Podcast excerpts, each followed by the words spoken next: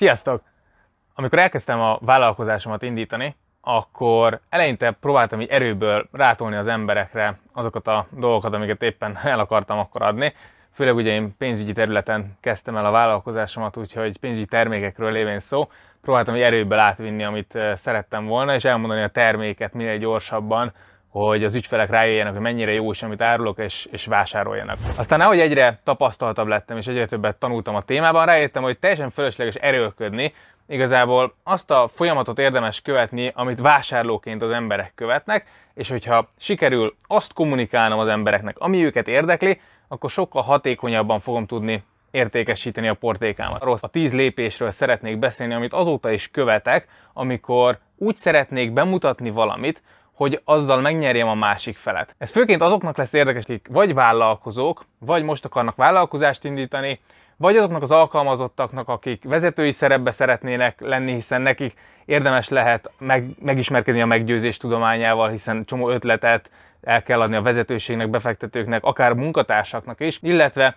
azoknak is hasznos lehet, akik ezt így fogyasztóként élik át, csak azért, hogy lássák, hogy hogy miként hatnak rájuk egyébként más cégek, és fogyasztóként hogyan lehet tudatosabb döntést hozni. Oké, tehát alapvetően a pénzügyekhez olyan módon fog ez kapcsolódni, hogy bevételszerzés szempontjából nagyon nem mindegy, hogy el tudod adni az ötleteidet, a termékeidet, illetve fogyasztóként, hogy felismered-e azt, hogy miként próbálnak rá hatni esetleg mások. Az nagyon fontos leszögezni, hogy bármilyen értékesítési stratégiáról vagy szabályról is beszélünk, vagy vállalkozásról, hiába taktikázol és hiába épített fel gyönyörűen a marketingedet, hogyha maga a terméked, a szolgáltatásod nem jó, ha arra nincs igény, ha az nem különleges, ha az nem, nem könnyen eladható. Tehát a legelső, a legfontosabb dolog mindig az, hogy értéket adja másiknak, hiszen akkor lesz az egész folyamat és az egész technika hatásos, akkor fogja megtöbbszörözni az eladásaidat, hogyha egyébként is jó a termék. Tehát olyat sose fogsz tudni eladni, amire egyébként nincs igény, vagy ami egyébként nem jó. Tehát az az első kritérium, hogy jónak kell lennie, amit árulsz, és ezzel meghatványozhatod gyakorlatilag a, a, az eladásaidat, vagy a hatékonyságodat. Oké, de hogyha egyet adsz el valamiből, vagy nullát, akkor annak a hatványa is ugye egy vagy nulla lesz, de hogyha 10-20 százat, minél nagyobbat, annál inkább segíteni fognak ezek a, ezek a stratégiák. Ezt a 10 lépést nagyon sok helyzetben lehet használni, hogyha meg akarsz győzni valakit valamiről. Például használhatod egy honlapon, amikor csinálsz egy sales oldalt, tehát egy, honlap, egy oldalt, ahol bemutatod a termékedet, szolgáltatásodat, akkor használhatod ezt a 10 lépést, mint sorrendet, ahogy a honlapnak a különböző blokkjai jönnek. De használhatod például akkor is, hogyha értékesítesz személyesen, leülsz valakivel tárgyalni, és használhatod azt a, ezt a felépítést, hogy a beszélgetést így építsd fel.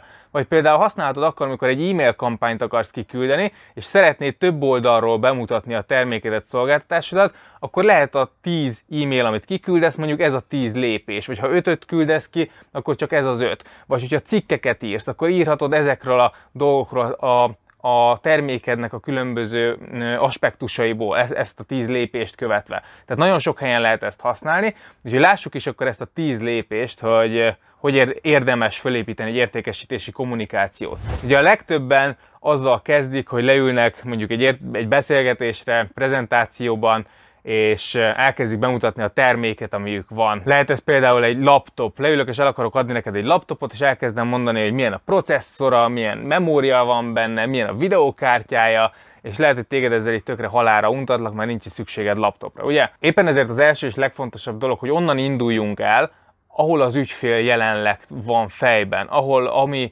neki szüksége van. Szokták mondani ezt a példát, hogyha bemegy egy ügyfél egy barkácsáruházba, és szeretne venni egy fúrót, akkor neki valójában nem fúróra van szüksége, hanem egy lukra a falban. Ha az értékesítő ott nem kérdezi meg, hogy pontosan mire kell ez a fúró, akkor lehet, hogy teljesen rossz fúrót vet, vesz az ügyfél, lehet, hogy nem is fúróra van szüksége. Ugye neki egy luk kéne a falban, de mihez kell neki ez a luk a falban? Ahhoz, hogy egy polcot felrakjon, vagy ahhoz, hogy csak egy képet felrakjon, ugye ez sem mindegy. És ugye az értékesítő megkérdezi, hogy miért, mire kell a, a fúró, kiderül, hogy egy luk, lukat akar fúrni, oké, de mihez akar lukat fúrni, egy képet akar feltenni, és lehet, hogy nem is fúróra van szüksége, hanem egyszerűen egy olyan um, eszközre, amivel könnyebben föl tud rakni egy, egy képet, akár fúrás nélkül. Ugye, és abból indulunk ki tehát, az a legfontosabb, hogy megtud, hogy mi az ügyfelednek így a vágya, mi az a cél, amit el akar, el akar érni az ügyfél. Ugye az ügyfelet nem a termék fogja érdekelni, nem azért veszi meg a terméket, hogy legyen egy fúrója, hanem azért veszi meg, mert fel akarja akasztani a képet. Neked tudnod kell, hogy az ügyfelednek mi a vágya, mi a célja. Ez egy egész nagy téma, és én nagyon sokáig küzdöttem, hónapokig, sőt, szerintem lehet egy évig is, azon, hogy hogy megértsem, hogy pontosan milyen mélységű vágyba kell nekem belemenni. Ugye, hogy, hogy pontosan az a vágya, hogy egy jó fúrója legyen, vagy az a vágya, hogy, hogy lukat üssön, vagy az a vágya, hogy, hogy képet tegyen a falra, vagy az a vágya, hogy szebb legyen a, a lakása. Ugye ennek különböző rétegei vannak a vágyaknak, és nem mindegy, hogy melyik ügyfélnek melyik vágyat mondod, és melyik vágyréteget, mert akár a vállalkozásod pozícionálása, sőt a terméket pozícionálása is függhet attól, hogy melyik vágy réteget fogod megcélozni. És egyenlőre menjünk tovább, tehát az első, amiről érdemes lehet beszélni, az az ügyfelednek a vágya. A második szintén nagyon fontos dolog az a probléma. A probléma, ami felmerül. Igazából a vágy és a probléma egy kicsit egymással ellentétes, és minden vágyat végig is meg lehet közelíteni probléma szempontjából is. Ugye, hogyha furót akar venni az illető, akkor az a problémája, hogy nincs, luk, nincs egy lukott a fal, vagy nem tudja felakasztani a képet, vagy az a problémája, hogy nem tudja, hogy melyik a megfelelő fúró, amivel föl tudná tenni a képet. De nézhetünk ugyanilyen mondjuk utazás szempontjából valakinek az a vágya, hogy elutazzon Amerikába, de lehet, hogy az a problémája, hogy már évek óta nem volt nyaralni, vagy stresszes a munkahelyén, szeretne pihenni. Ugye, tehát minden igényt meg lehet közelíteni pozitív oldalról, meg negatív oldalról is.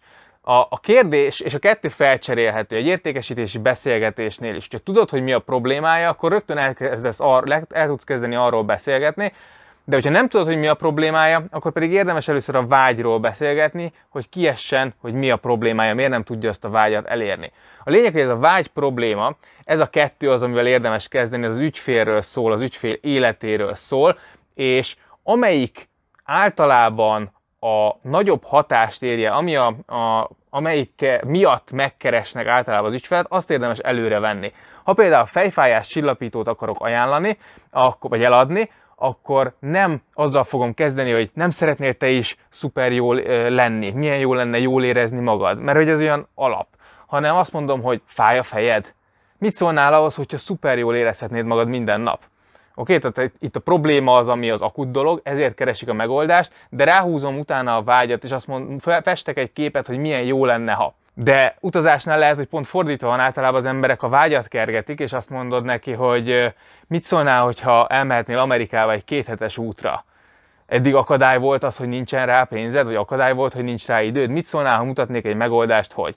Oké, okay? tehát amelyik a, a célszerűbb az adott pillanatban, illetve az adott ügyfélnél, azt érdemes előrehozni. Tehát vágy probléma. Ezzel kezdünk, ezzel felhúzzuk érzelmileg az értékesítést, és megmutatjuk azt, hogy minket ténylegesen az ügyfél jóléte érdekel, és nem a terméket akarjuk letukmálni. Na most itt gondolhatnánk, hogy akkor utána jöhet végre a termék, de nem, még van egy harmadik lépés, ez nem más, mint a kifogások kezelése. Ez értékesítésben lehet az, hogy egyszerűen csak ha az ügyfél azt mondja, hogy miért nem akarja megoldani ezt a problémát, akkor én visszadobálom, hogy de ennek ellenére miért lenne érdemes. És egyszerűen próbálom arra abba az irányba vinni, hogy ezt, ezt oldjuk meg, valahogy ezt oldjuk meg. Honlap esetében pedig, hogyha fájdalomcsillapítós példánál maradunk, akkor felhúzom azt, hogy fáj a fejed, milyen jó lenne, hogyha többé nem kéne a migréntől szenvedned, ez így azt mondja, hogy uh, ez érdekel, ugye, hogyha te, neked van ez a problémád, akkor ezt ugye azt fogod mondani, hogy uh, ez de jó.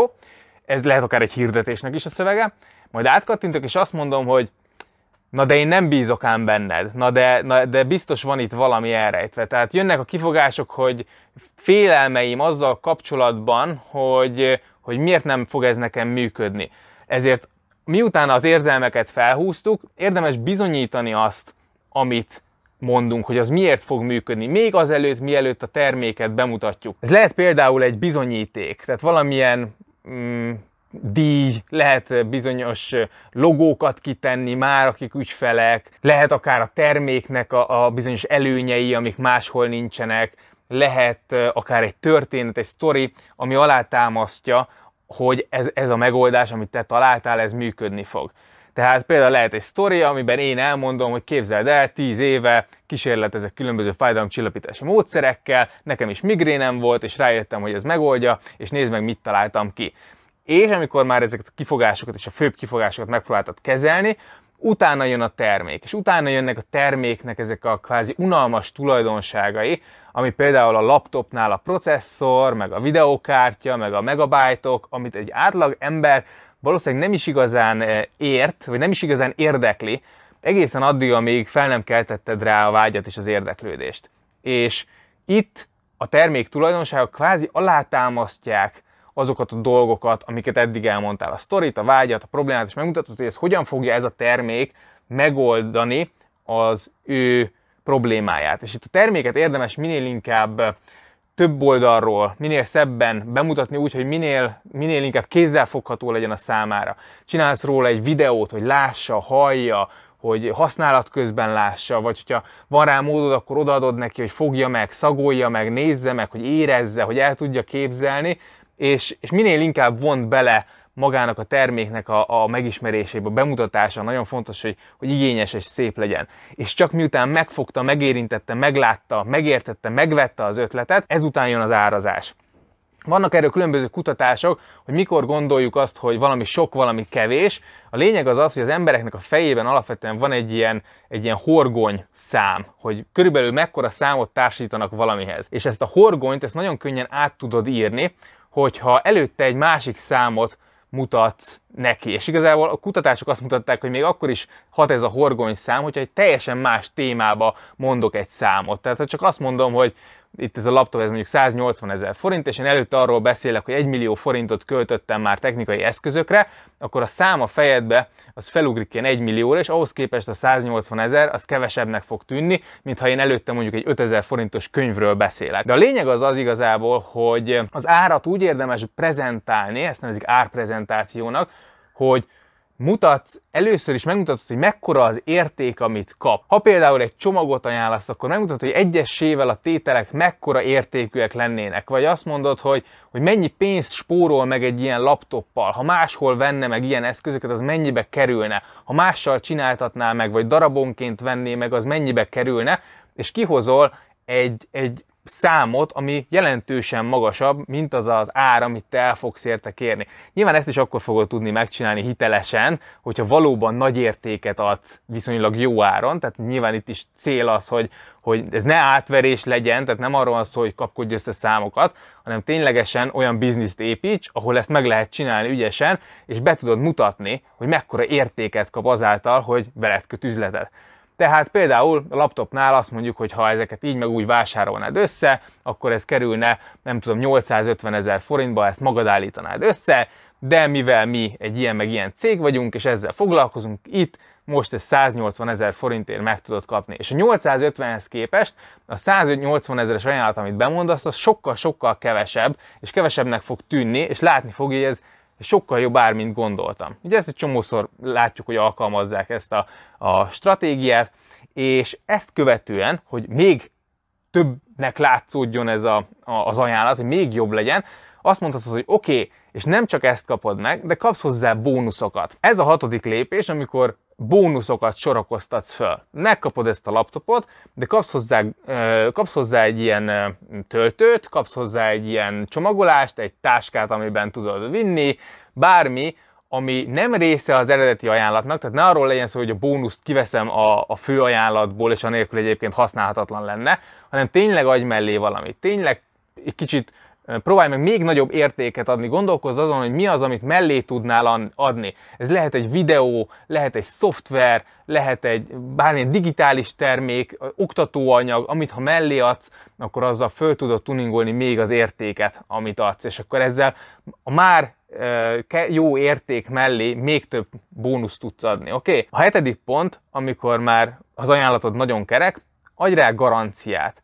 Igazából, ha tényleg jó, amit adsz, akkor merj vakmerő lenni, és merd azt mondani, hogy igenis én vállalom a felelősséget, hogy ez tényleg jó. Nekem például az összes termékemre szinte adom ezt a 100%-os pénzvisszafizetési garanciát, bárki azt mondja, hogy Ádám, nekem ez nem tetszett, visszaadom neki a pénzt. És nagyon sokan félnek ettől, mert hogy vissza fognak vele élni, és akkor nyilván megnézi a tananyagot, visszakéri a pénzt. Nagyon kevés ilyen van. Tényleg nagyon kevés ember ér vissza a garanciával, és sokkal több az, aki emiatt viszont azt mondja, hogy, hogy látom, hogy hiszel a termékedben, meg igazából nincs vele kockázatom, úgyhogy megveszem. Tehát összességében sokkal többet fogsz nyerni azzal, hogyha van egy ütős garanciád, mert mered ezt vállalni, mint ahányan ezzel vissza fognak élni valaha is, hogyha egyáltalán lesz ilyen, tehát emiatt szerintem ne aggódj.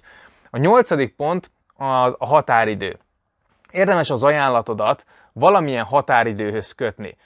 Én azt szoktam tapasztalni, hogy amikor például a Tudástár Klub nyitás van, akkor lehet, hogy egy hétig kommunikálok arról, hogy gyere, csatlakozz hozzánk, de az emberek, meg én is, amikor fogyasztóként viselkedek, halogatunk. Tehát, hogy majd jó, persze, jó, ez tetszik, most akkor csinálok valami mást, és akkor visszatérek rá, és nem térünk vissza rá. Egy csomó minden elvonja a figyelmünket, és, és általában csak akkor hozzuk meg a döntést, amikor már tényleg nagyon muszáj, mert próbáljuk így elkerülni, halogatni.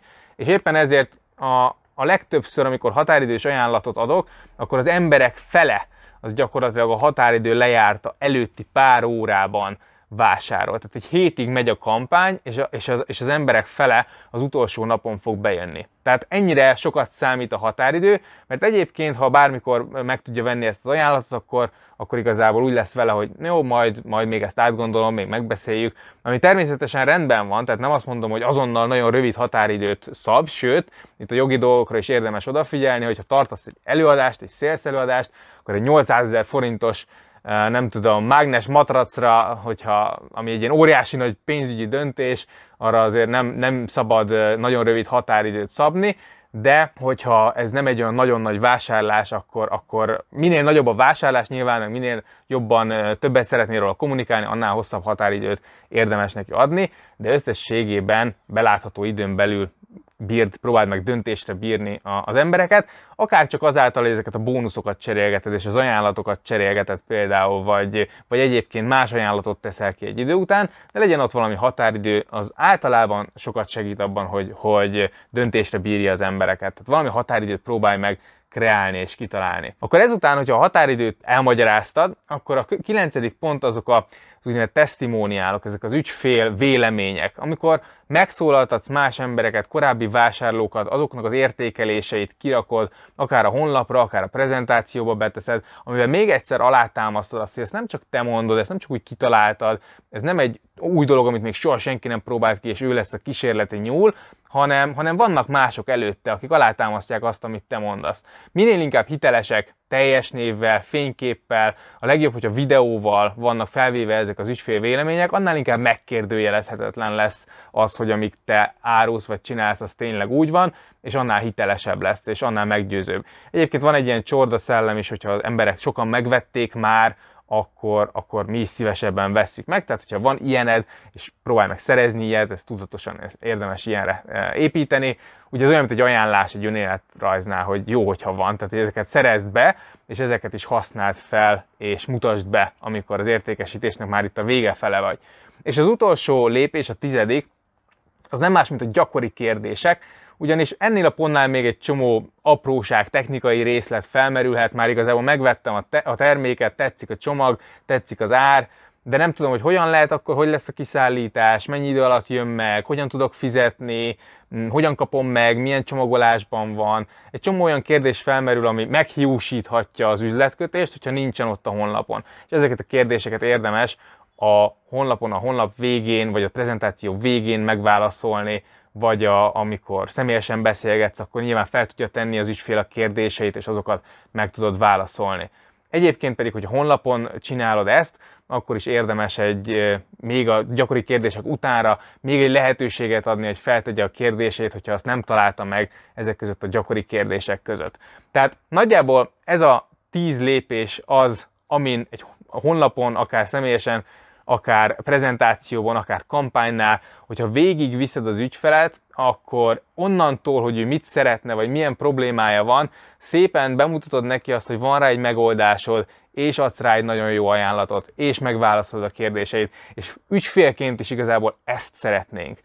Ügyfélként is az én életemre való megoldásokat, az én problémámra való megoldásokat keresem, és nem laptopot akarok venni, nem fúrót akarok venni, hanem az életemet akarom jobbá tenni. Tehát neked ezt kell elsősorban bemutatni, hogy a terméket hogy teszi jobbá az ügyfelednek az életét, és innen szépen a gondolatmenetet elvezetni odáig, hogy miért érdemes most élni ezzel az ajánlattal. Javaslom, hogy csinálj erről a 10 pontról magadnak egy jegyzetet, vagy menj el a linket, hogyha legközelebb bármit el kell adnod, hogy honlapot csinálsz, vagy, vagy prezentációt tartasz, akkor, akkor fogad meg ezt, és próbáld ki, hogy, hogy milyen. És remélem, hogy hasznosnak találtad ezt a következő részben a vágyjal és a problémával egy kicsit mélyebben fogunk foglalkozni, ugyanis nagyon fontos, hogy pontosan azt a vágyat és pontosan azt a problémát célozd meg a vállalkozásoddal, a termékeddel, a szolgáltatásoddal, ami az ügyfél fejében éppen van. És ez nagyon gyakran azt jelenti, hogy mivel nem egyféle ügyfeled van, hogy többféle vágyat kell, többféle kommunikációt, többféle csatornán alkalmazni, és erről is szeretnék neked beszélni. Remélem hasznosnak találtad, sok sikert kívánok, hajrá!